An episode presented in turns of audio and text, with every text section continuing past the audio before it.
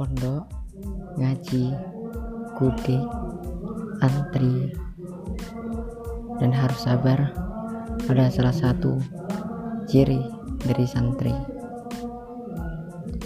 Santri adalah seorang murid yang tidur makan semua kegiatan dilakukan bersama dalam satu tempat yang sama.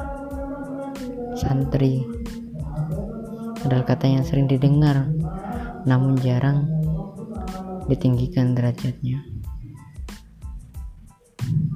Dikarenakan santri kuno tidak mengenal dunia luar. Tapi lihatlah sekarang santri semuanya berbeda